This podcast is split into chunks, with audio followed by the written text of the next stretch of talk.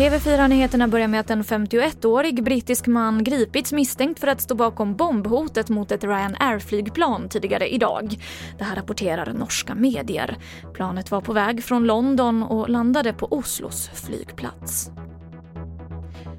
26 nya dödsfall i covid-19 har rapporterats in idag och totalt har nu 5 619 personer dött i Sverige till följd av covid-19.